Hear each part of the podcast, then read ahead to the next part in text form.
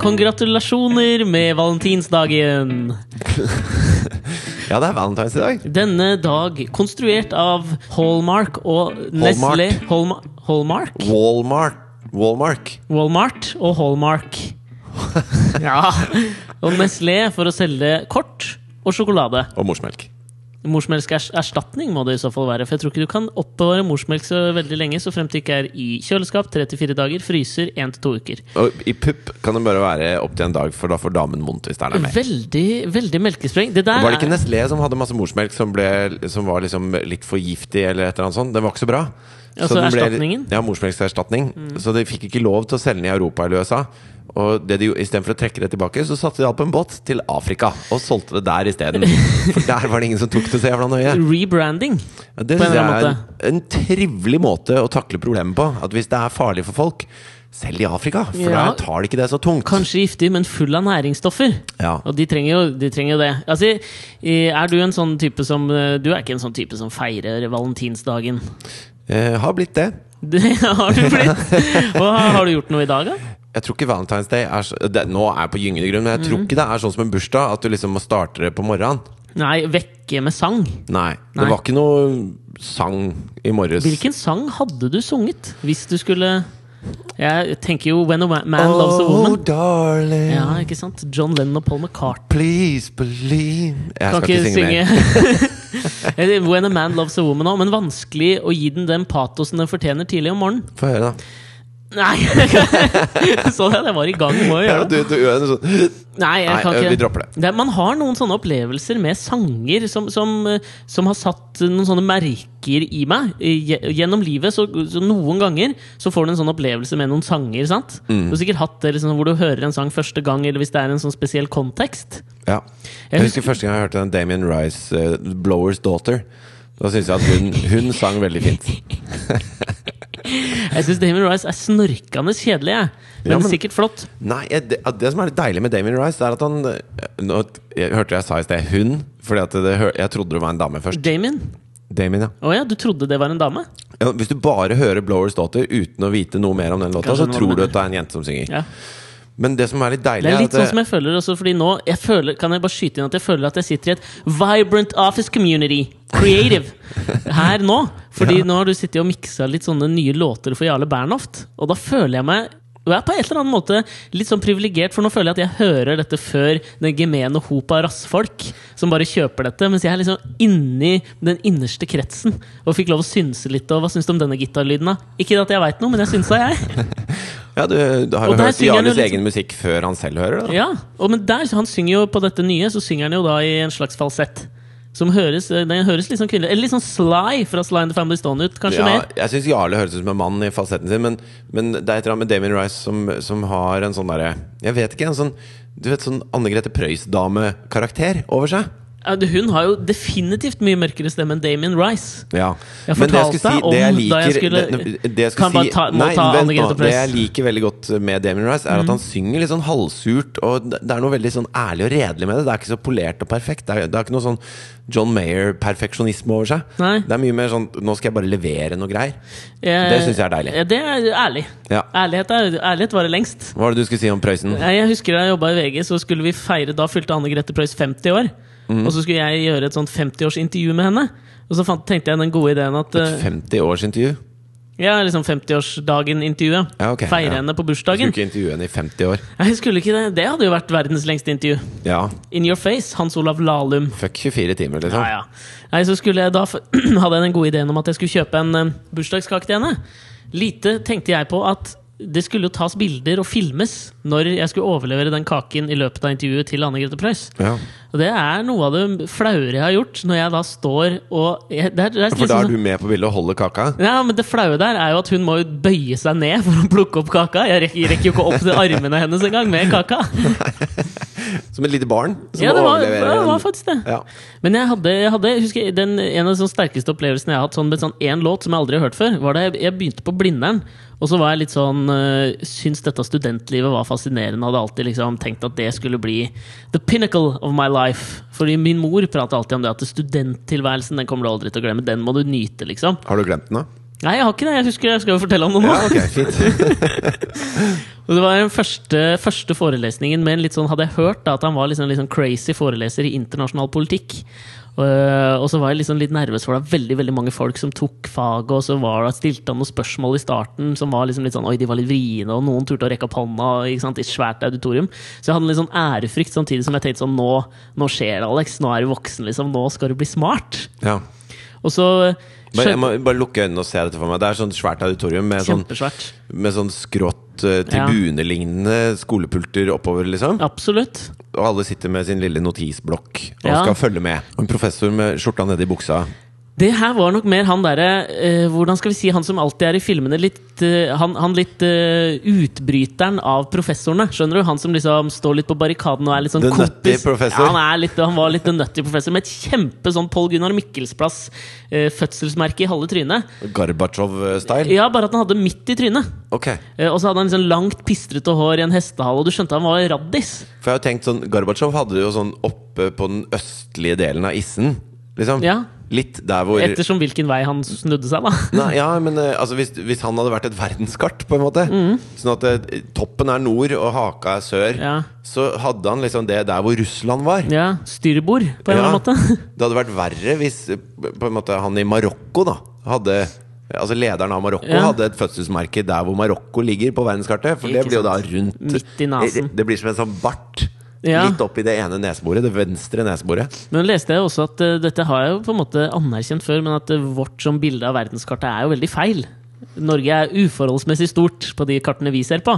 Ja, altså Hvis man tar noe rundt Hvis Ja. du tar en ballong, da og så klipper du opp eh, baksiden av den ballongen Baksiden er jo fordi Europa er jo forsiden, selvfølgelig. og det er midt på. Ja, derfor vi sender Neslemelk til Afrika på baksida. På baksida. For Afrika er jo så lite på det kartet i forhold til hva det egentlig er. Og så bretter du ut den ballongtingen, så, så blir jo ikke det en sånn flat, fin ting hvor Nei. alt er i riktige proporsjoner. Nei. Så det er veldig vanskelig å lage et ordentlig kart Ja, det, jeg skjønner det. Men Så jeg syns vi har begynt i riktig ende. Tyskland og Frankrike og England og Norge og Danmark og De viktige, de landene, landene, er i midten. de som fortjener sånn ordentlig morsmelkerstatning. Men så sitter jeg da i denne forelesningssalen, og så skjønner jeg liksom i løpet av første forelesning at dette her um, Dette er ikke noe sånn eh, fordi Da jeg satt på videregående, sånn, da var man liksom på liksom barrikadene man skulle mene noe. I hvert fall var jeg veldig sånn, var medlem i SU og Noregs Mållags Ungdom. Og da kunne jeg liksom hevde litt i timen, mens læreren var liksom han som skulle sånn Nei, nei, vi må, sånn her er historien. ikke sant? Mens, mens jeg skjønte ganske kjapt på han fyren her at at han, eh, han ga liksom blanke i, i liksom, eh, hva som var korrekt. Han kjørte inn sine egne meninger han, Ja. i internasjonal politikk. Dette mener jeg er riktig, og det liker jeg jo litt, for da kan man liksom ta stilling sjøl òg. Ja, fordi at Hvis du bare sier hva, noen, hva som er allment gyldig, på en måte, da, Mm. så er jo det per definisjon noe noen andre mener. Ja, ikke Så hvis du ikke er enig, så, så må du jo si det. Ja, altså, det er sånn, eh, hvis jeg kan bryte inn litt. Rann, Ja. Vi satt og så på barne-TV, og så var det da en sånn eh, Fra type sju så begynner det litt mer eh, Litt for eldre barn, da. Litt voksnere. Ja. Så satt jeg og så på det samme Thea en god stund siden, og så var det en sånn serie, drama, barnedrama, hvor det var to stykker som gikk i barnehage sammen. eh, var bestevenninner. Og så Hun eh, var født i Norge, men hun var, hadde utenlandsk opprinnelse, da. Hun ene. Og så eh, Kan man ha eh, utenlandsk opprinnelse? Ja, det kan man jo. Altså, foreldrene var fra- Jeg har bare tenkt litt på det. det store utlandet. Ja. De, hun var fra de stedene som er litt små på kartet. Sikkert Afrika. Ja, Hun hadde litt- ikke fått bra morsmelk, altså. Så hun med bra morsmelk, da. Ja. Hun eh, var jo veldig glad i bestevenninna si, og de, i barnehagen så ser de jo liksom ikke forskjell på det der. De har Nei. ikke noe sånn du er, du er derfra, du er derfra. Det er bare barn, liksom. Mm. Eh, og så viste det seg at hun moren ikke hadde oppholdstillatelse. Moren til hun som hadde fått dårlig morsmelk. Ja. Så da uh, kulminerte det med at de prøvde å gjemme seg, og sånn Og til slutt så kom politiet og la denne snille moren da i Mm. bakken ikke sant? og satte på henne håndjern for å skipe henne ut av landet. I, og hun på samme, dattera samme båt som morsmelken. ja, og hun dattera skulle også da ut av landet. Og Thea var jo eh, Altså Hun var forferdet når hun så på dette her. Ja. At politiet kan komme og ta bestevenninna hennes og sende henne ut av landet mot hennes egen vilje. Ja, fordi hun ikke fikk lov til å være der. Ja. Og, så, og, så satte, og så var hun så innmari full av spørsmål, og Katrine bare 'Den tar du!' ja, da gikk. Den hadde ikke hun lyst til å prøve å forklare. Nei, nei. Og så uh, måtte jeg sitte der og prøve å forklare dette her, da. Så på, Følte du deg en- litt som Gerhard Heiberg da? Litt sånn Altså, det som er greia, er at du får ikke lov å reklamere under OL. Ja, men du gjør det. Ja, men det er noe helt annet. Ja, og, og det jeg måtte si da, var jo min mening. Jeg måtte jo si at det, jeg syns det politiet gjør her, er feil. Ja. Og, og jeg syns ikke hun burde bli sendt ut av landet. Eh, fordi hun har vært her så lenge, og hun har en datter som er født og oppvokst her. Og da, da syns jeg ikke det er riktig å sende dem ut. Og, og, men hvorfor gjør politiet det da? Politiet skal være snille, de skal jo gjøre det folket vil, og beskytte oss og passe på oss. Ja. Da måtte jeg bare si nei. Men av og til så er de teite, da, de som bestemmer, liksom. Ja, du, jeg skulle sagt For å liksom innprente det litt i Thea, det hadde jo vært deilig. Jeg lurer på om jeg skal gjøre det med Asta også. Liksom bare innprente at Litt sånn Ibsensk at eh, flertallet tar alltid feil. Du må bare vite at folk suger.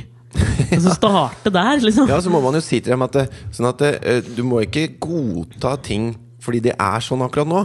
Eh, Du må, du må etterleve det, du må følge de reglene som eksisterer. Ja. Men du må hele tiden si fra når du er enig, og du må prøve å si det til andre også, sånn at man kan starte en bevegelse da, og stå litt på barrikadene. Og Ja, man skal det. I hvert Ja. fall før man er 18. Så skal man det.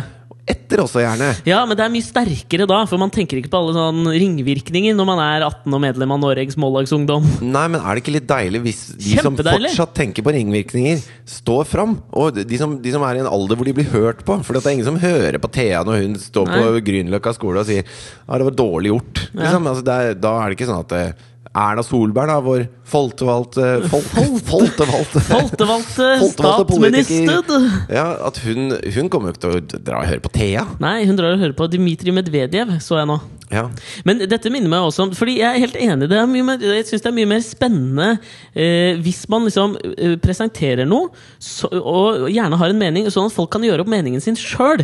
Mye mer spennende, syns jeg. Ja. Og så hørte jeg han eh, Eller jeg så at han, han Malcolm Gladwell, som vi har prata ganske mye om i denne podkasten her, ja.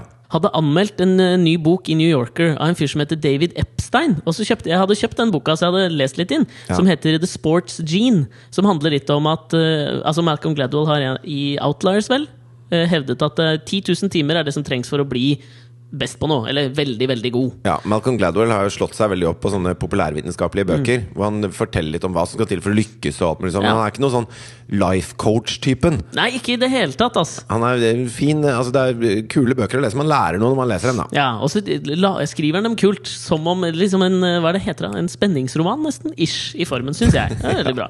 Men han hadde anmeldt denne boka, eh, og kom en litt sånn bastant og deilig kategorisk mening. Som han, eh, jeg, Da måtte jeg laste ned en sånn podkast hvor han måtte forsvare dette. her og hørte på, fordi Han mener da at eh, i disse OL-tider så mente han da at eh, hvorfor kan vi ikke bare tillate doping? Og så lar vi utøverne dope seg, men de må fortelle hva de har dopa seg med. Og så kan folket da, etter at de liksom har vunnet eller tapt, så får du liksom se ok, her er dopinglista hans, det er det han har brukt. Og så kan du da sjøl eh, gjøre deg opp en mening på ok, for han fortjente gullet. Han hadde ikke dopa seg så mye. Vi At det er skal mye stemme, da. Vi skal stemme om hvem som får gull. Nei, nei, er, de får gullet. Men da, liksom, i folkeopinionen, da, mener han, at da kan du liksom ta, gjøre din egen personlige vurdering på om Justina Kowalczyk fortjente det gullet på 15 km. Liksom. Og det er jo en litt sånn besnærende tanke. Det er jo mer ærlig, på en eller annen måte. da. Ja, For det blir litt som disse som går opp på Mount Everest. ikke sant? Så Hvis du har gått opp på Mount Everest med oksygen, da Ja. så det La oss si kalle det doping, Mm. på en måte. Så er det er mye tøffere for de som går opp uten oksygen. Ja. Så kanskje det er bedre da å komme på 16.-plass uten doping. Ikke sant? Mens du har alle disse, disse sånne hvor blodårene bare stikker ut av armene. Ja, sånne monstre. Sånne Hulken. Som Ja. tar alle de første plassene. Det er jo den, øh, den Tenk deg å tillate doping i f.eks. hockey. Da Da blir det så mye slåsskamp at det er helt sjukt. Det hadde jo gjort det jævla underholdende å se på. Det er jo det man sitter og venter på. Altså, Jeg satt jo og venta på da jeg så på Norge-Canada i går. Jeg sa, det eneste jeg satt og venta på, var at han Tollefsen skulle begynne å slåss med en av de svære bekkene til Canada. Jo, men de, de slåss ikke Altså I NFL så er det jo mye mer tillatt med slåsskamp. Ja. Altså der, der er det en del av spillet, for det er underholdning, og det, det er masse diskusjoner om det, men Akkurat der det er det liksom greit. Ja. Uh, I Russland slåss de sikkert også en del, Ja. men når det er OL og sånn, så slås det så jævlig hardt ned på, så det er ingen som tør, for da blir det utvist, og da er her, liksom. Ja, men jeg, jeg, Men det tenker går jo for langt også. Det var jo en sånn kamp borti, borti NHL hvor eh, de lagene var sånne erkerivaler. Mm. Så det er tydelig at de hadde prata sammen før matchen. Fordi at det, begge lagene kommer ut på isen, dommeren står med pucken, og så blåser han i fløyta og dropper pucken. Og da er det ingen som prøver å ta pucken. Alle bare kaster hanskene. Alle på alle lag, begge lagene, unntatt keeperne. De står bare med kaffekoppen nesten og lener seg og ser på. Og så blir det bare gjengslagsmål. Det er ingen som har begynt å spille hockey engang. Da blir det liksom for mye, da. Ja, jeg gjør det. Jeg tenker, men jeg, jeg tror kanskje det at det, den, den sterkeste sånn derre um, Fordømmelsen man kan få, i hvert fall tenker jeg, da, det er jo liksom fra medmenneskene sine. Det er jo derfor doping At man ikke vil innrømme det. Det er jo derfor Lance Armstrong liksom prøver å skjule at han har drevet med doping. Så hvis du da må liksom Hvis du må vise det offentlige, og du får lov, så tror jeg kanskje Jeg vet ikke, kanskje at du ville fått mindre doping. Fordi 16.-plassen 16. vil få liksom en slags sånn moral high ground overfor alle de andre. Disse utøverne testes jo med jevne mellomrom. Mm. Og så er det mange som har med uh, naboens urin og litt sånn. Ja, det går jo ikke lenger, da. Nå er det jo noen som står og ser på at de pisser. Jo, jo, men da har du en eh, Altså Jeg husker jeg så Rammstein på eh, Kvartfestivalen. Mm. Der hadde han en slags sånn der løskuk på en måte som hang ut av buksa. Ja.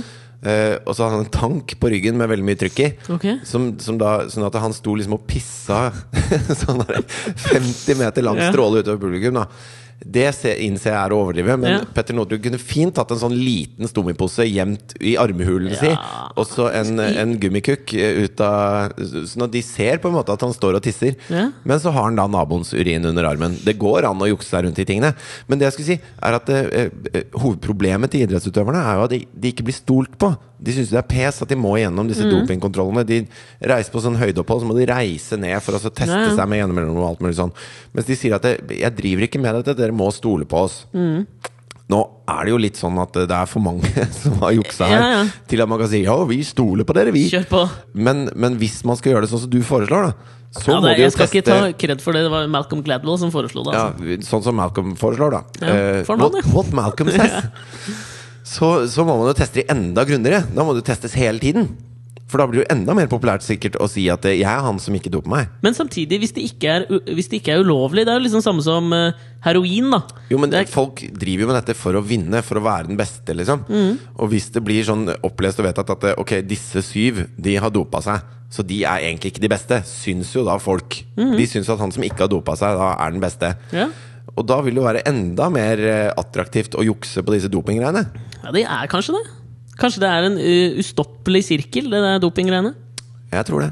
Malcolm Gladwell hadde sikkert nå, til det du hadde sagt, så hadde han sikkert hatt en del sånne kommentarer og innspill som hadde gjort eh, dine innspill jævlig ugyldige. De har ikke jeg. Jeg tror ikke det, altså. For å sitere Steve Jobs eh, eh, Suksess oppnås når du skjønner at verden er skapt av helt vanlige mennesker. Ja. De er ikke noe smartere enn deg. Nei, Det er jo nettopp det vi må lære, sånne som Thea og Asta. Folk suger, men de får jo til ting, da. Det er det jeg har lært. Så jeg sitter, sitter i denne forelesningssalen med denne fyren. Og så har han liksom hatt en hel da, første time som en slags introduksjon til Blindern, til internasjonal politikk, til liksom statsvitenskap, som var det jeg gikk på akkurat da. Uh, og så smeller han på På slutten av timen så sa han liksom sånn Her skal dere liksom få høre en sang som jeg føler står for det vi skal lære uh, det neste halve året. Og så setter han på Political science Nå trodde jeg han skulle synge. Nei, og så sang han When a man loves a woman. First I was afraid. var superfint. Den hadde jo passa Ok, han litt. satte på en sang. Han satte på Political Science av Randy Newman. Ja. Som er en eh, Jeg hadde aldri hørt den sangen før Uh, den timen. Uh, og så sitter man jo da Så jeg husker at jeg satt liksom og noterte ned teksten, for jeg syntes den var så innmari det som de sier på amerikansk biased. ja. Altså Den er jo et slags oppgjør med uh, Hva heter det på norsk? Jeg har ingen anelse. Farget? Ja, det er jo fordomsfull. Ja, eller nei, men den er liksom vekta til den ene siden. Ja. Bi biasert. Biasert er det norske ordet. Eh, men jo, eh, hvor jeg liksom eh, Den handler jo da om på en måte hvordan USA er som eh, stormakt. Og at, Inhabil? Sorry, jeg ble bare sittende og tenke videre på det. Nei, inhabil er den ikke. Nei, ok. Biasert er den. Biasert. Ja. USA som stormakt, hvorfor USA suger, liksom. Som jeg syns var en sånn veldig sånn deilig start på at nå har han liksom Han har lagt huet og hjertet sitt på hoggestabben eh, og gitt studentene muligheten til å da ta, eh, ta det han sier, enten for god fisk eller å være jævla kritiske til det. Og det, jeg tenker kanskje vi må være litt sånn ha litt mer av det. Ja, Men en professor trenger å være mer nyansert enn å si at USA suger.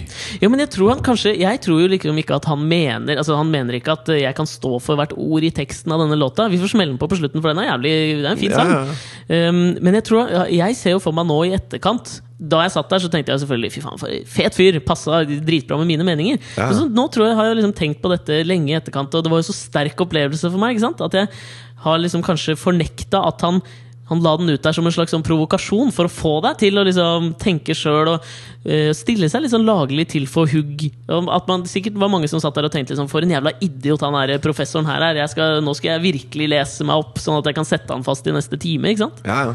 Men, jeg, men han kjøper seg jo veldig lett venner, da. Altså i, når, når han får begynnerkullet, og, så, Ja. og så er han litt sånn raddis, liksom. For jeg tror alle på venstresida i politikken har gått gjennom en sånn periode hvor de syns USA suger. Ja, ja. Og det er vel der kanskje det begynner, på en eller annen måte. Og nå som voksen, da, nå er jeg voksen, liksom. Ja. Jeg syns fremdeles USA suger, men USA svelger også, og det er jo veldig hyggelig. Jeg elsker USA, ass! Jeg digger det.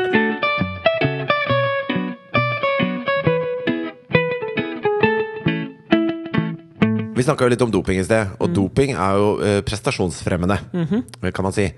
Og, og det er jo noe vi tar veldig tungt. Altså Vi syns det er dårlig gjort når finnene doper seg og vinner over nordmennene i en sport eh, som, eh, som vi er veldig glad i, for eksempel. Ja, som, som vi liksom skal vinne, da. Vi eller svenskene. Jeg, jeg begynner å like svenskene litt. Jeg gjør du det, eller? Ja, jeg gjør det. Jeg må ærlig innrømme det. Hvilke, hvordan har det skjedd? Nei, det har bare med at eh, jeg syn, til og med jeg syns at Norge er for cocky, skjønner du, i Ja. langrennsløypa. Til og med du? Til og med Mr. jeg. Cocky himself? nei, nei men, nei, men til og med jeg som nordmann Ja. syns at vi er for cocky Ja. overfor svenskene. Jeg synes at, at eh, Det blir nesten sånn at jeg heier litt på svenskene, for det, det er noe ærlig og redelig ved dem som idrettsutøvere, syns jeg. Oh, ja. Men uansett, eh, man doper jo for å eh, gjøre seg selv bedre, og så ender det jo med at man, man jukser på Det er juks, da! Ja, ja. Og når vi snakker om USA som både suger og svelger, Mhm. så har det jo vært en sånn skandale nå hvor de mennesker det er noen offiserer der borte som har ansvaret for eh, atomarsenalet. Altså at de sitter med knappene til alle atomrakettene. Myten om at det er den der gamle den røde knappen som Kennedy kunne trykke på, eller Ja, men Det er jo ikke presidenten som sitter med én sånn stor knapp i en koffert med antenne. Det er disse har- offiserene sitter ved hver sin stasjon rundt omkring hvor disse rakettene er utplassert, og har den røde knappen Mm. med fingeren. Og det, fordi de har en så jævlig viktig jobb. De skal aldri drite seg ut på noen ting noensinne, Mm. for det er veldig, veldig viktig. Ja. Så må de gjennomgå sånne månedlige prøver. Mm. Uh, og nå viser det seg at uh, de har juksa på disse prøvene da, over en lav sko. Nå har de blitt ferska, så nå er det 92 offiserer som har blitt tatt i juks. Og det er de som sitter med knappen på, Ja, ja. eh, til atomarsenalet, liksom.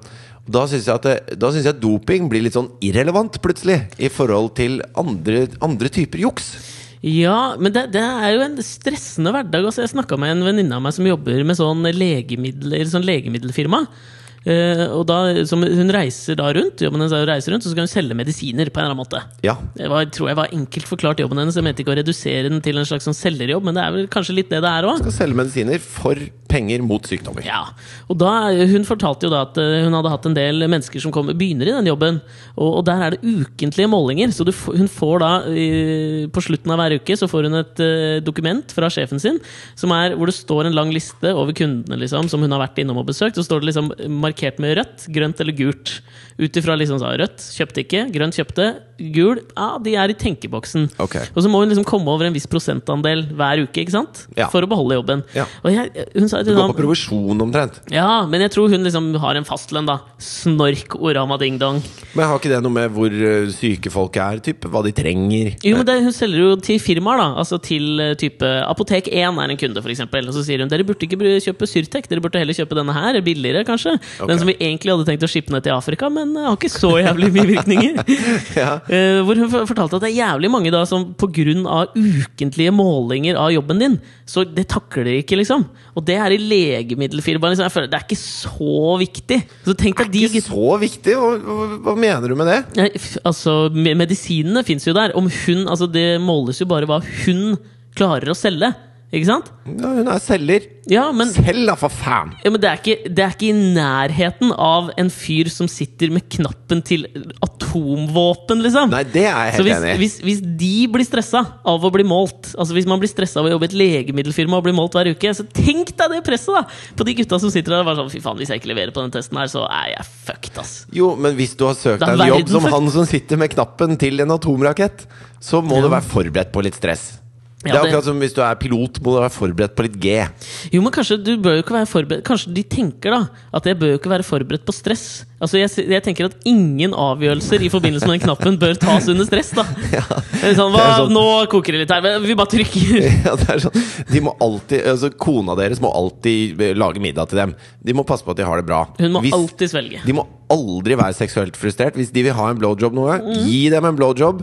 Og hvis de mister pennen sin, gi dem en penn. Altså, de må Det er ha kona som burde måles i de sammenhengene der.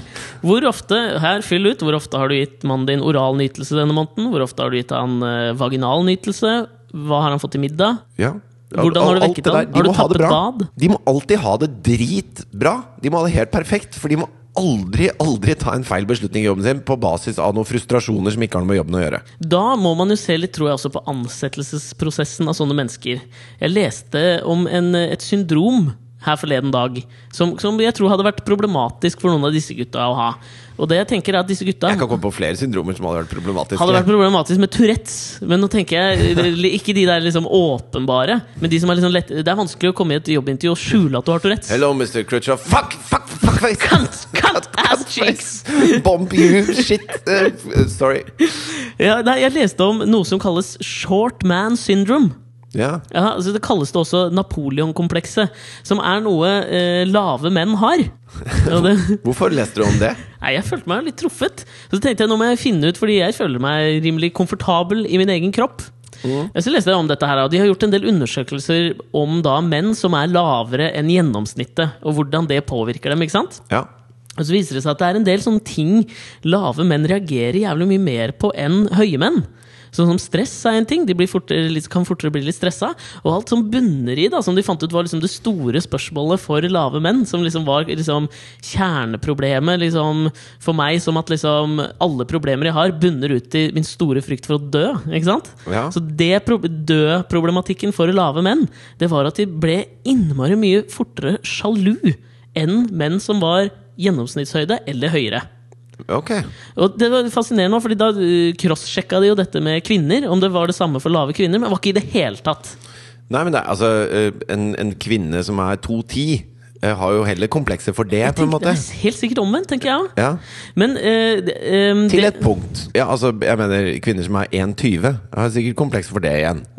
ja, Altså, det, det, nå, man, man jobber med en slags sånn gjennomsnittshøyde, da. Ja, nå bare, da tar jeg, må jeg ta en digresjon her. For jeg leste om Det var en sånn tiåring som hadde tatt med søstera si på 18 måneder Jeg leste den saken her tidligere i uka.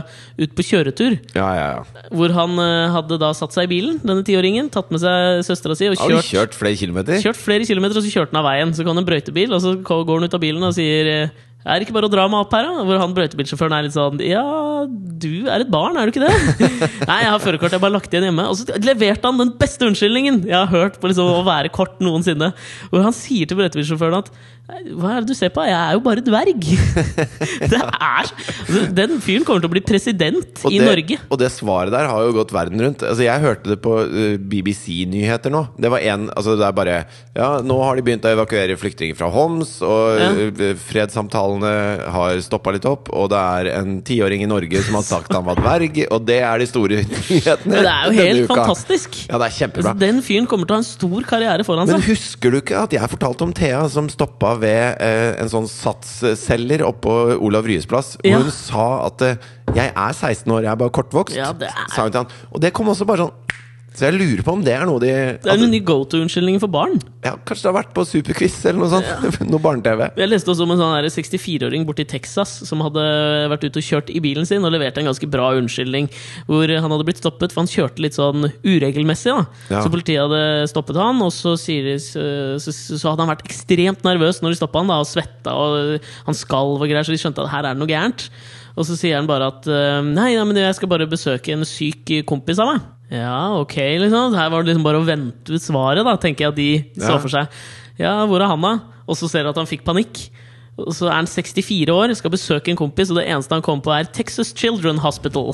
Ok Og da bare, ja, åpne opp bagasjerommet ditt, og der var det 2,5 millioner dollar verdt av heroin! Ok Og det er så, det er, du må ha tenkt ut en eller annen plan før du reiser ut med 2,5 millioner dollar i heroin i baggan, liksom. ja, Jeg har jo sett noen sånne filmer hvor de liksom pugger Sånn spanere, eksempel. Ja, ja. Pugger coverstoryen sin. Du må ha en cover Det må de gjøre, altså. Men ja, altså jeg, eh, tilbake til short man syndrome. Hvor jeg tenker at uh, altså Sånn som Napoleon tok en del avgjørelser som i ettertid har jo vært litt sånn hm, Hvorfor gjorde han det?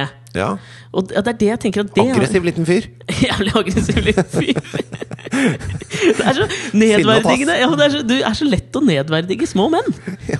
altså, Men det er morsomt at du tar opp dette, Fordi at de har forska litt på dette her. Ja. Mm. Og jeg har, jeg har faktisk lest litt om det. Og de har tatt sånne virtual reality-greier hvor de plugger folk inn. Har du lest om det? Ja, på tuben har de Ja, gjort det. Hvor de setter inn folk i sånne og justerer høyden deres, da. Uten å fortelle dem at det er det de gjør, da. Ja, og så uh, utsetter de dem for forskjellige ting som skjer i VR-virkeligheten, da. Mm. uh, og man ser at jo kortere folk er, jo mer føler de at andre ser rart på dem. Og jo mer sint blir de. Og altså, de blir bare sure, bitre, små Ja, det er helt sant, altså. Men det Ja. er jo litt sånn Mens når de var litt høye, så bare satte de seg tilbake og kula han Ja. på trikken. Men tenk deg, altså sånn, tenk deg det både på disse gutta som sitter eh, med hånda på knappen, på en måte. da Der bør det jo altså sånn Ligg unna korte folk. Ligg unna korte folk, men samtidig Dette er jo litt sånn sånn For å dra tilbake til Malcolm Gladwell, da, som har skrevet en David and Goliath med liksom Det er sånn du sa ufordelaktigheter som blir du bra. Sa, når du sa at du var veldig sånn på- på barrikadene når du var liten, da Når du var med i Norsk Mållags Ungdom og sånn Jeg er sikker på Norsk Mållags Ungdom er breddfull av korte, korte helt menn. sikkert. Men tenk deg, den, tenk deg den dannelsesprosessen vi litt lavere folk går gjennom. Vi har det jo mye tøffere. Jeg tror vi er liksom innvendig. Så er vi mye mer mangefasetterte og sterkere enn sånne høye folk som bare har sklidd gjennom livet på sin Men- høye hest. Men tror du det er sånn i det politiske spekteret også? Tror du at det liksom eh, Ap og Høyre er full av ganske høye folk. Jo, men Rolige, høye folk. Stoltenberg Mens høy. Ja, ja. Mens, mens liksom eh, Mimir Kristiansson på den ene siden og Per Sandberg på den andre siden. Korte, sinte gubber. Ja, det, er- jeg tror faen meg det er noe i det. Altså, hvis du ser, ser for, altså, Jens Stoltenberg er høy. Støre er ganske høy. Erna Solberg er ganske høy. Hvem flere er det? Ja, Erna Solberg er ikke så høy. Hun er høy til å være men hun har mye masse. Ja, kanskje masse Masse pluss høyde er lik. Ja, ja men også, ja du har Per Sandberg. Det er flere Hareide. Lav. Eh, Lav. Ja, Mirmir Kristiansson, lav. Da er vel ikke han politisk eh, aktiv lenger. Nei, nei, men altså, sinna mann. Ja, og Hitler, veldig lav. Veldig lav. Nei, veldig skummelt å liksom si Hitler i en sånn kommasetning, hvor du har liksom Per Sandberg, Mimir Kristiansson, Hitler, Napoleon Ja, Pol Pot. Ja, Var han lav? Jeg veit ikke. Men han var sinna.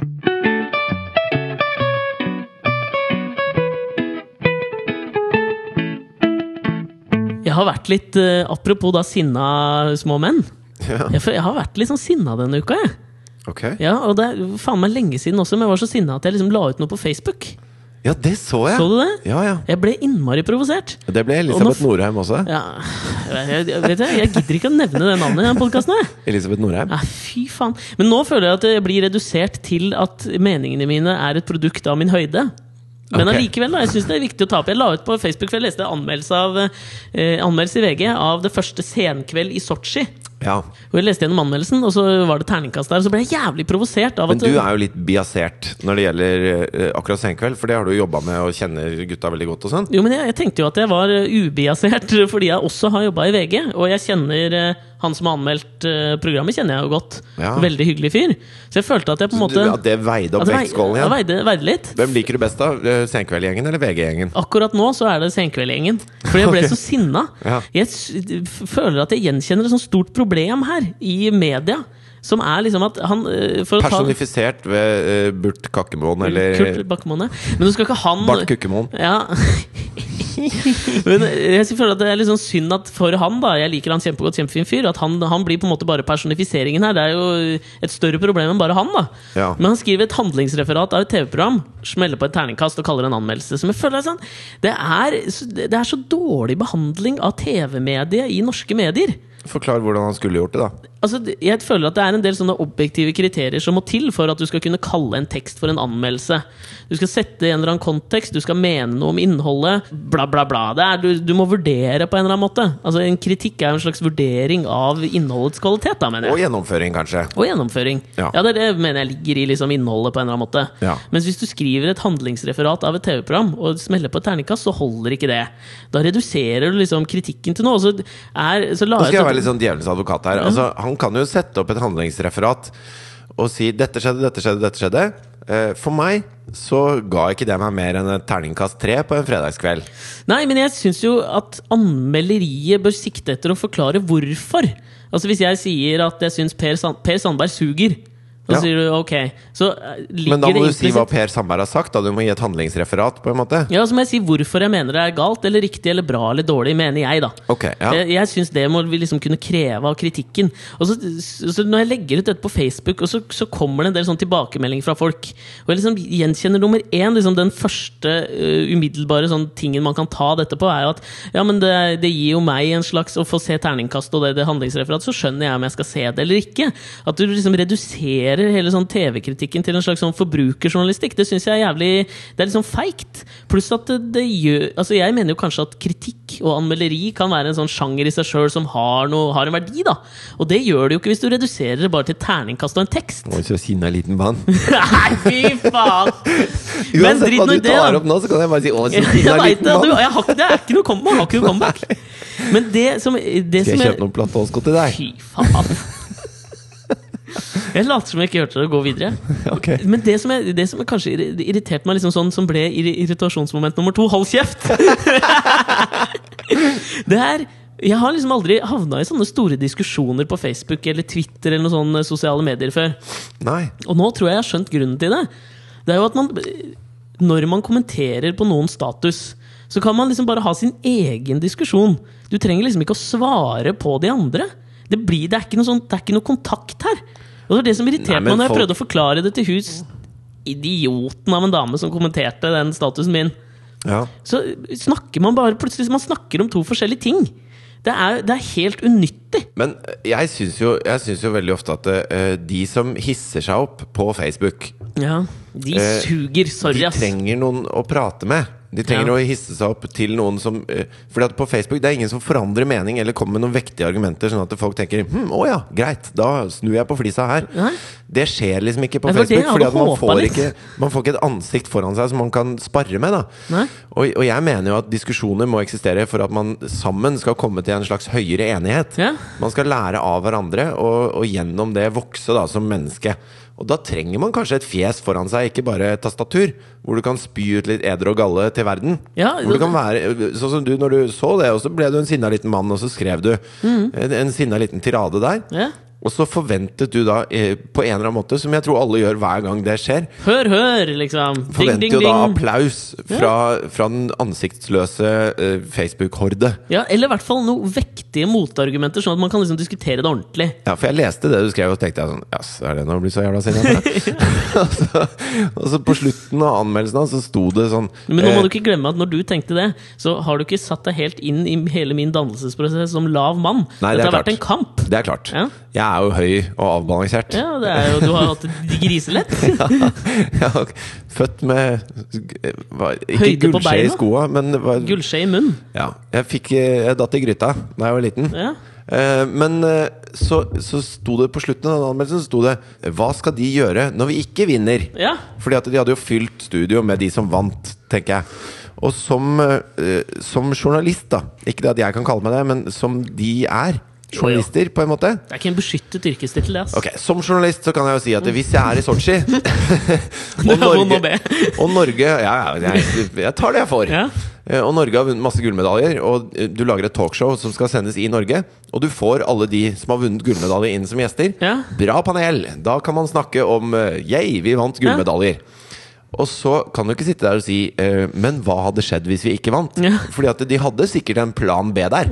Sånn at hvis vi ikke hadde vunnet noen gullmedaljer, så hadde de sikkert hatt inn noen og snakket om noe annet. Ja. Sånn at det, eh, Det er litt som å anmelde Jarle Bernhofts eh, Solidarity Breaks-plate og si eh, Men uh, dette er kanskje bra, men hva hadde skjedd om han lagde jazzmusikk? Ja, eller han er god på gitar, men åssen hadde dette vært hvis han ikke kunne spille gitar? Ja, altså, det er irrelevant, da. Ja, men det er dette som jeg har Som jeg sa, så har jeg liksom ikke vært sånn sinna, sinna mann på Facebook eller Twitter eller noe sånt noe særlig før. Nei. Så jeg forventa kanskje det at, liksom, at det skulle skje At det skulle komme noe At det skulle komme noe ut av det. Men Men du må jo velge hva du blir sinna på, da. Altså, det er ingen som eh, Altså, jeg gidder ikke jeg med, om folk syns at Senkveld er bra eller dårlig. Det, gidder, altså, det bryr jeg ikke meg så mye om. Nei, men det, det var jo ikke det som var mitt poeng i det hele tatt. Det var et slags lite stikk til anmelderiet som jeg ikke syns holder Men mål. du da. ble Erik Faber, rett og slett. Ja, men det er det man For Erik, Erik Det var Faber er jo han for. som ble Han har jo blitt slakta Ja. med flere av platene sine. Sørlandsartist som er en Det er fordums, ass. Jeg tror liksom ikke Erik Faber er top of mind for folk. Nei, han, han var en popartist pop, for en stund siden, og så hadde han også vært undertøysmodell litt sånn tidligere i karrieren. Og alltid når han slapp en plate, så, fikk, så handlet hele anmeldelsen seg veldig ofte om at han hadde vært undertøysmodell. Ja. Sånn at modell og popstjerne Erik Faber eh, gir ut nok et makkverk, var stort sett overskriften på dette her. De er, de er liksom ikke anmeldelser. Det er bare en sånn synsing om han som person, ikke om en plate. Og da ble jo han veldig sinna. Og så er det han da som går ut Han og, og anklager anmelderbransjen, liksom. Ja. Og det er jo litt som du som har jobba i eh, redaksjonen til Senkveld, og så går du ut og anklager anmelderbransjen for hvordan de behandler Senkveld. Da må du i hvert fall velge noe som ikke har noe med deg å gjøre. Jo, Fordi at ellers så er ikke du en, en gyldig stemme oppi dette Er jeg ikke ubiasert, mener du? Nei, du er ei lenger ubiasert. Jeg, jeg, jeg mener jo at jeg er ubiasert ettersom jeg fortsatt ikke jobber der, og har jobba begge stedene, for dette Ja, var en slags kritikk av VG samtidig. tar du feil. Nei, det er ikke enig ass. Jo, din lille sinnamann. Nei, men fordi dette er jo ikke en kritikk av uh, om Senkveld er bra eller dårlig. Det der var et eksempel Hva syns du om programmet? Hvilket terningkast Ja, hadde du gitt? ja. Hvil- Hvilket terningkast hadde du gitt? La meg, jeg skal gi deg terningkast etterpå, men jeg skal bare forklare deg først. Det er jo ikke en vurdering om Senkveld er bra eller dårlig. Det er en vurdering om anmelderiet er bra eller dårlig, eller holder mål. Ja, Ikke Kanskje sant? du skal bli sånn anmelderanmelder? Jeg og Erik Faber starter nettsiden anmeldernes an anmelderanmelder.no. Anmelderanmelder.no, ja. ja. Det er ikke så Men Erik dumt. Faber er høy, så det hadde jo ikke gått. Nei. Asbjørn Slettmark og jeg kunne kanskje starta det. Han er en liten sinna mann. Programmet får terningkast tre. Ja, det gjør det. Du er helt enig med Kurt. Bakkemoen? Ja, ja. Terningkast, ja.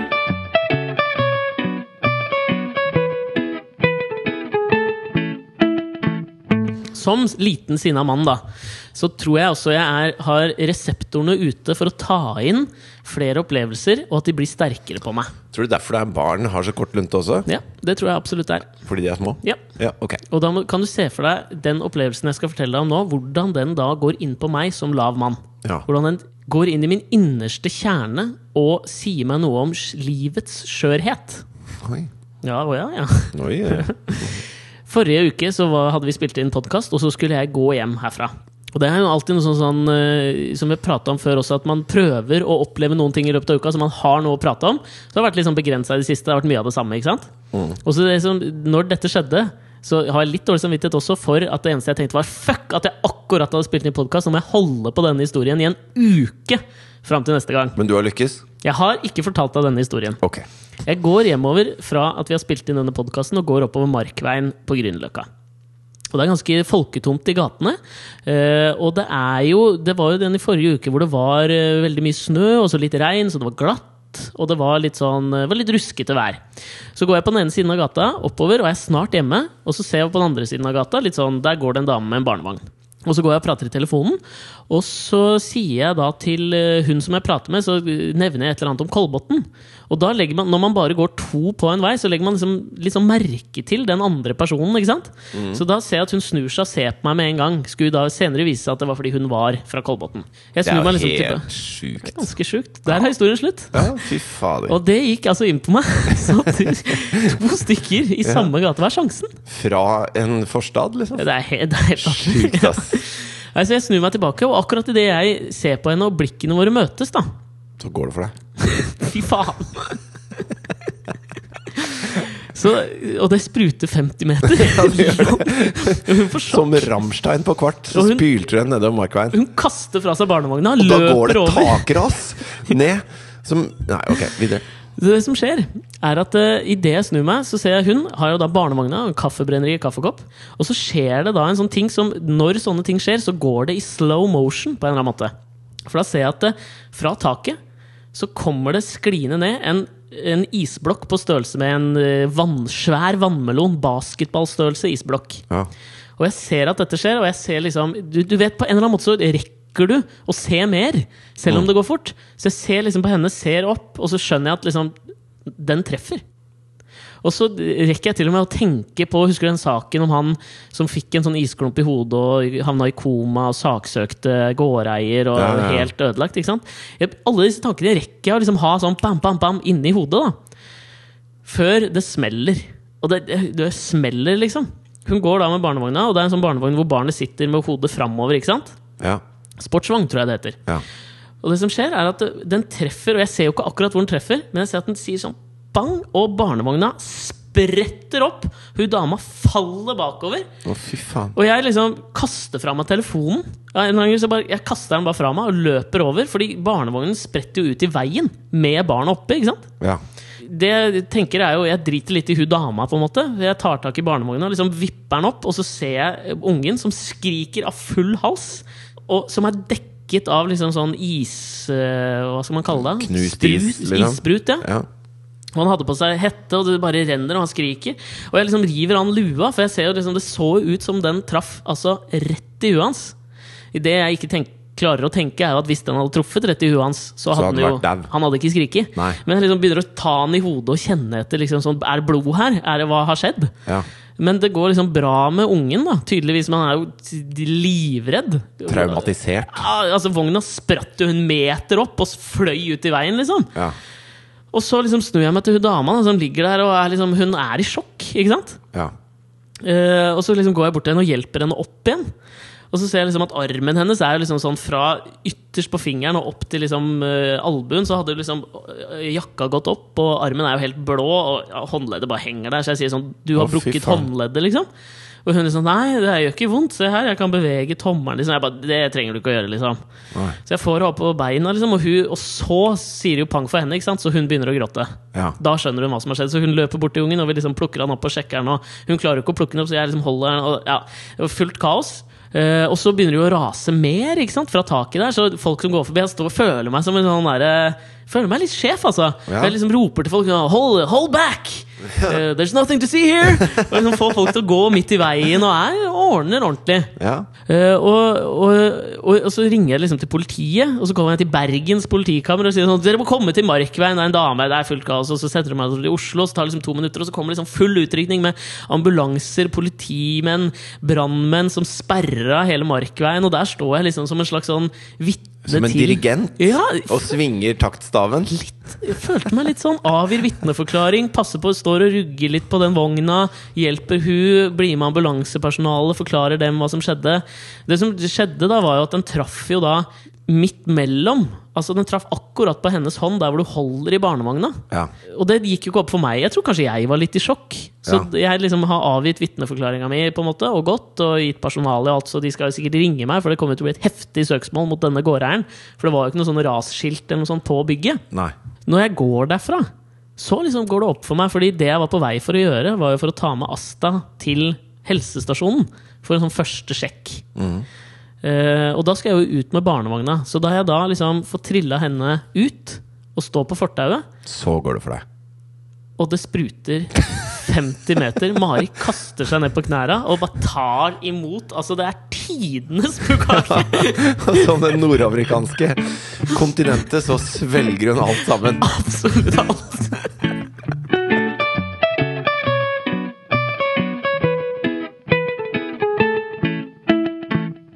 Jeg har jo sånn der, jeg får sånne varsler på telefonen fra New York Times når det skjer noe. Ja, du har den sånn- appen. Jeg har den appen. Da, da er det jo ikke Altså Det skjer jo masse ting i verden hele tiden, mm. så de har sikkert tenkt sånn Hvis vi moser ut 20-30 sånn om dagen, så blir folk drittlei. Så Ja. vi tar bare når det, det aller, aller viktigste. Mm.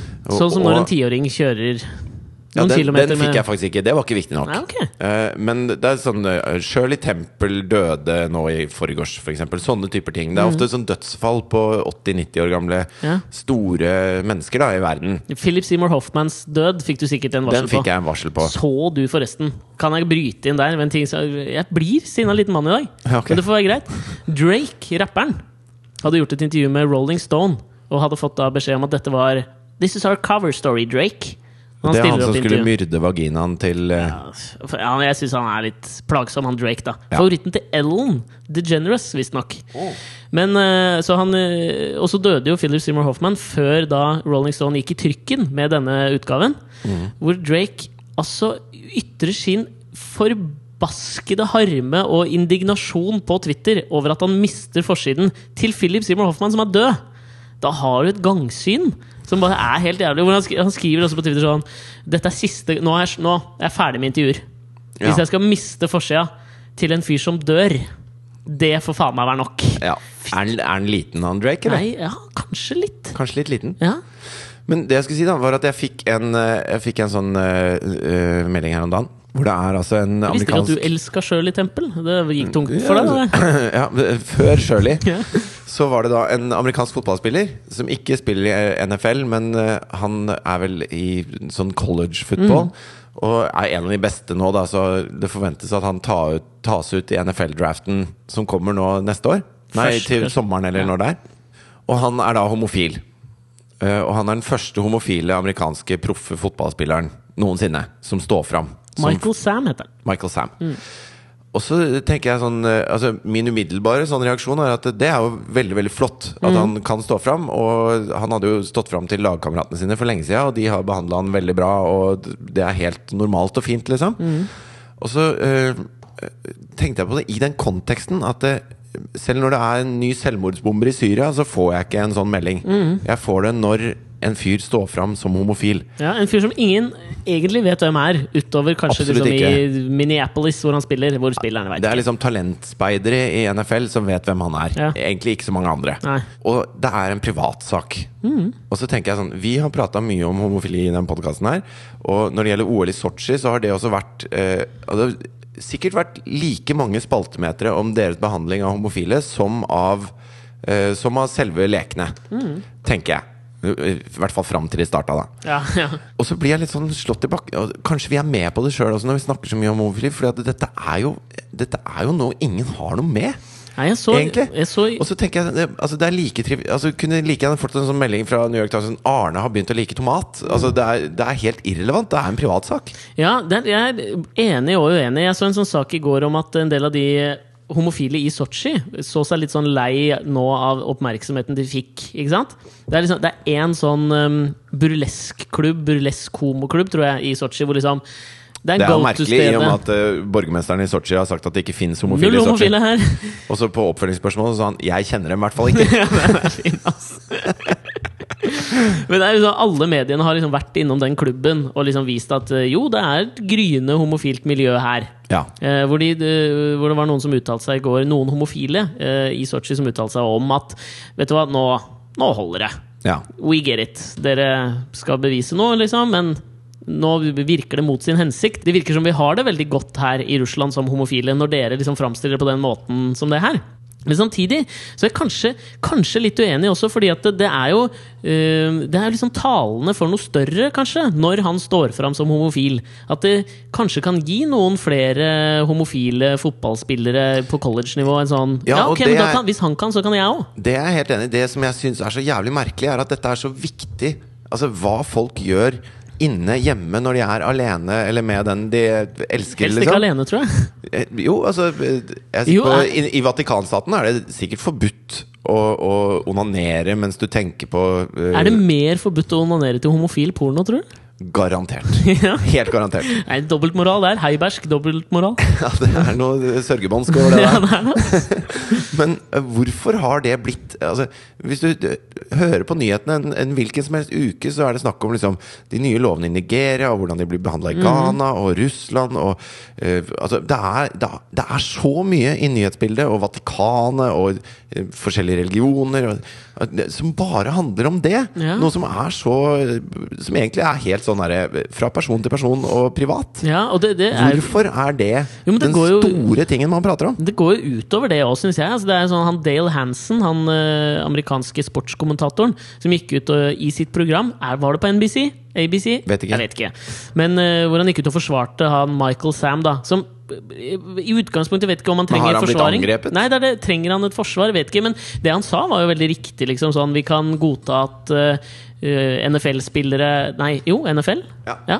Vi kan godta at eh, NFL-spillere voldtar kvinner, gjør ditt, gjør datt. Eh, Altså, man satt i perspektiv, da. Det er masse av disse gutta som har et rullebra langt som Ja, ja. et vondt år. Men så blir liksom, i tillegg da, så blir sånn Man blir uh, hyllet by association, til og med. For han Dale Hansen blir jo virkelig dratt fram i alle medier rundt omkring i verden. nå, Som liksom, så fantastisk at en fyr står på barrikadene for Michael Sam.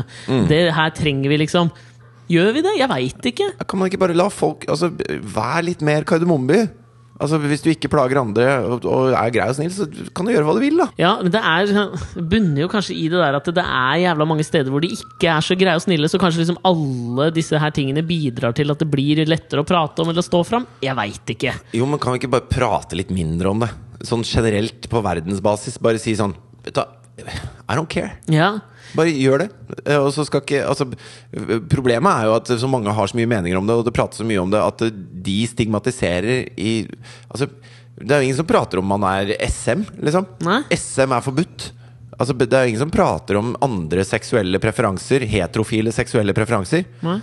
Om man eh, Oralsex i Ghana, ny orallovgivning Altså, det er jo ingen som Og hvis noen hadde gjort det, så hadde det bare agurknyhet. Ingen bryr seg, liksom. Ja, ja kanskje, må, kanskje liksom løsningen er, for å ta dette et skritt videre nå, da Hvis vi skal liksom oppfordre disse journalistene som er i Sotsji, liksom ikke dra på burleskklubben og intervjue en homofil om deres rettigheter. Kanskje vi må liksom redusere eh, det eksotiske ved å være homofil. Ja. Vi må bare gjøre det mer vanlig, liksom. Ja, sånn som man har gjort med altså Før så eh, sa man jo liksom gooks og altså, Man hadde masse sånne ord da, på alle mulige Ja. hudfarger som er helt irrelevant. Og nå beveger vi oss mye nærmere et samfunn hvor det er liksom irrelevant. Mm. Og hvis du går i en barnehage, så ser du at det er helt fullstendig irrelevant. Mm. Det er dritri tynt i det.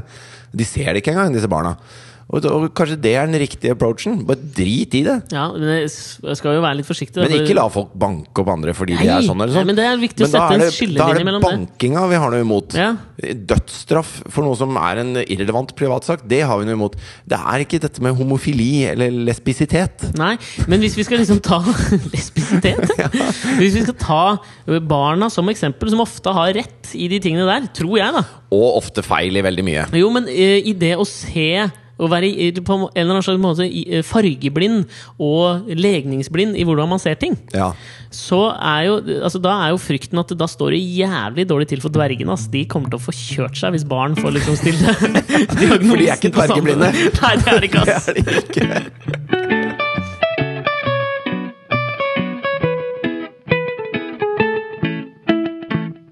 Men Siden vi snakker om barn, det er faen meg gøy å få et lite innblikk i åssen en barnehjerne fungerer av og til. Ja, Thea skulle ha sånn dukketeater for meg. da ok.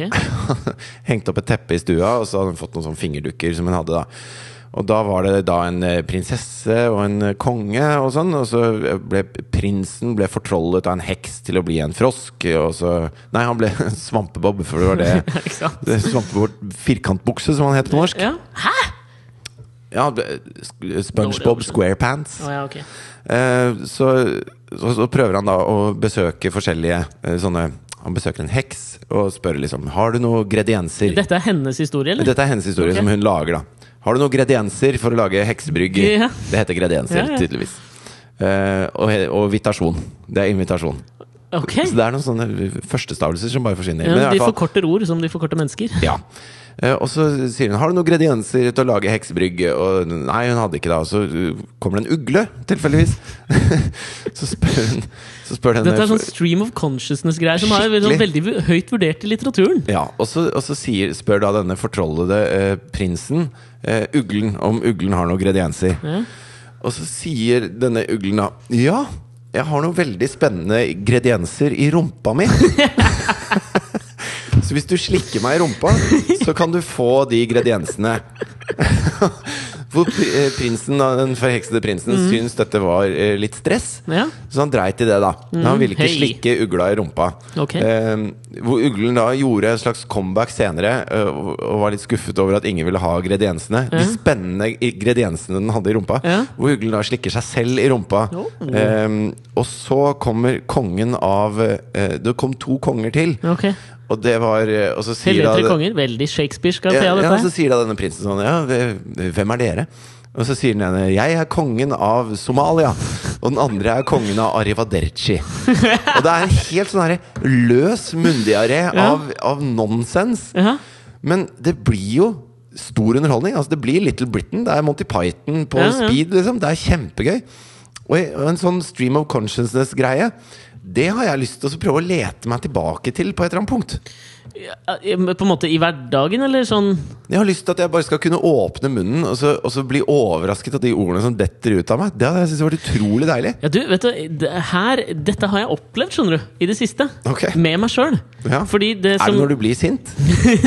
så renner det ut ting på tastaturet og ut på Facebook? Ja, litt da, men mer når jeg øh, Når Asta Det vi fikk beskjed om på helsestasjonen da, etter at jeg hadde vært på denne sjekken her, er jo at øh, du skal jo på en måte prøve å stimulere ungen litt. Altså De sover og driter og spiser, det er stort sett det de gjør. Men imellom der, de små minuttene hvor de er våkne, skal du prøve å stimulere dem ved å prate litt til dem. Ikke kile dem, liksom? Nei, I går kilte jeg litt. Ja. Det likte jeg godt. Du syns det var gøy? Ja, det synes jeg var deilig. Men det jeg merker da, er liksom sånn, hvert fall om natta, hvis jeg skal opp da, og liksom prøve å få henne til å sovne igjen. Fordi de blir jo veldig fort slitne hvis de hører lyder eller får noe slags inntrykk. Det skal jo ingenting til. Det er ganske brukelige små menneskebarn. Funker, ja, fy faen, funker jo ikke. Tenk deg, De blir født med liksom, Det er en, ett instinkt det, Nei, det er tre instinkter. da Det er drite, og så er det sutte, og så er det å bli kilt. Det er de tre. sove. Og sove. Altså, kilt har de ikke noe det. Bare sånn, å shit, hva var dette? Fett! Det er borte? Ok. Altså, vi, vi blir født uten noen ting, da. Mens hvis du ser en, en sjiraff bli født, så detter den tre, meter ned! to-tre meter ned, deiser i bakken, og så sier, sier mora sånn hm. Og så bare går hun. Ja. Og så må den sjiraffen bare klare seg sjøl, eller så blir den spist. Jeg så et program om at hvorfor, hvorfor mennesker er så udugelige når, når vi fødes, kontra f.eks. en sjiraff. hvis, hvis damer skulle båret på eh, barna så lenge at de kunne komme ut litt, sånn, litt mer ferdig, Ja. så måtte de hatt altså, veldig mye breiere bekken, som hadde gjort at de hadde vært framoverlent. Altså at de hadde gått på alle fire. da. Men jeg mener jo at det bør gjøres noen nyvinninger der. At, det, at damer kanskje kan få en liten sånn dør bare på magen. Sånn at barnet, når det er ferdig, så liksom Så åpner du døra og går ut, så er det mindre stress for alle. Hallais! Hei, hei, Ja, hei, hyggelig, hyggelig. Ja, ja. Hvis du kan klone et øre på en mus, så kan du faen meg klone en dør på en Ja, faen dame. heller. Men keisersnitt, altså kan du ikke bare skjære altså, de, Jeg har sett på keisersnitt, de skjærer veldig sånn små hull for å dra ut ungene. Du bare skjærer ut en dør. Du, jeg så et keisersnitt på NRK3 en gang. Det er ikke noe lite høl de lager der, altså. Er det ikke det, eller? Å nei, nei. Spørs kanskje litt på størrelsen til ungen. Du vrenger, du vrenger hele dama. Omtrent som en bobledress som er våt, Nei. som du skal tørke på badegulvet. Nei. Og så bare graver de ned, flytter noen ribbein og peller ut ungen. Det er et ganske nasty alien-opplegg. Det er én ting, apropos litt sånn nasty opplegg, før jeg går videre til det jeg skal fortelle om Asta. Så var det altså én ting i løpet av fødselen som jeg ikke fortalte. Å nei, vil jeg høre det? Nei, men Det er ikke så nasty, men det var mer flaut. Ok. Og jeg er jævla usikker på om dette faller i god jord at jeg forteller på Mari. Men jeg forteller, ass. Men nå, nå har det jo blitt han som sier 'vi er gravide'. Da er det altså du Ja. som har født her. Ja, for faen, Det var jævlig flaut. Fordi det kommer jo på et tidspunkt i fødselen Så kommer da pressriene, som er liksom helt på slutten. Ja. Hvor du skal presse ut ungen, og de er ganske vonde. ikke sant? Ja. Og så øh, Nei, jeg veit ikke om jeg kan fortelle det. Eh, ja, ok, da. Jeg kjører på. Det som skjedde da, var at pressriene eh, begynte å avta litt. Og de vil jo, du vil jo helst at de skal vare litt lenge, sånn at du får liksom trøkka ungen ordentlig ut. ikke sant? ja. Og så var det to jordmødre der som kom inn. Og så sier da hun badcop-jordmoren til meg Nå må vi få opp disse presseriene. Ja, så ser hun på meg, og så er jeg sånn Ok! Det du må gjøre, er at nå må du gå, og så må du kile og stimulere brystvortene til Mari. Jeg altså Hvis du har en sånn der tegneserie hvor at uh, kjeven dropper Den gikk til bakken for meg da. Og jeg tenkte sånn nå, det er ikke There's time for jokes. Dette er ikke en av dem. Men fuktet du fingeren litt med tunga? Altså? Jeg gjorde ikke det. Men altså, jeg trodde jo det var kødd. Men hun liksom sånn Nei, kjør nå på. Og så ser jeg liksom bort på Mari. Jeg Hørte hun det? ja, dette har hun ikke lyst til, liksom. Men det ender altså med at jeg står bak der og gnir på brystvortene og kiler. Og jeg tenker liksom at Dette hater Mari. Dette syns jeg er helt Fordi for meg har jo ikke Altså, det har ikke vært forbundet Altså, The Fun Bags har vært forbundet med fun, ikke med liksom Nei, nei. akkurat det der. nei. Og liksom sånn, jeg prøver å slutte mange ganger, men hun drar hendene mine tilbake, og jeg står der og kiler på brystvortene. Og jeg blir sånn klumsete med hendene, og jeg følte at jeg liksom sto og liksom bare dunka hendene borti noen brystvorter. Det verste var at det funka.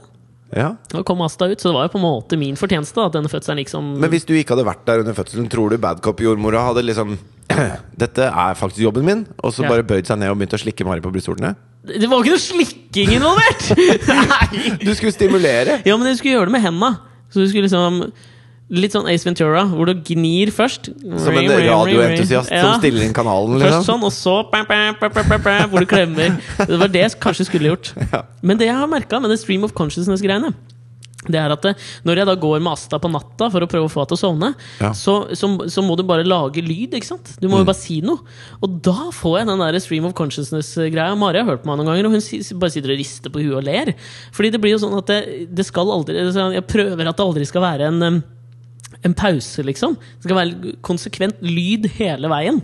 Ok. Så det er altså Om jeg skal gi et eksempel, da, hvis jeg begynner å prate sånn med sånn Senkveldet var ganske dårlig her om dagen, og jeg syns det var kjedelig sjøl å se på. Jeg syns ikke det var noen gode intervjuer, og Thomas Nummer virka litt uforberedt. Men han der. Kurt Bakkemoen har ikke lov til å gi den en treer hvis han ikke gjør en ordentlig Ja, anmeldelse av ting. Apropos treer. Alle gode ting er tre. Noen ganger i et eventyr så er man jo Det er ofte tre gode hjelpere, og så må man gå gjennom tre ganger.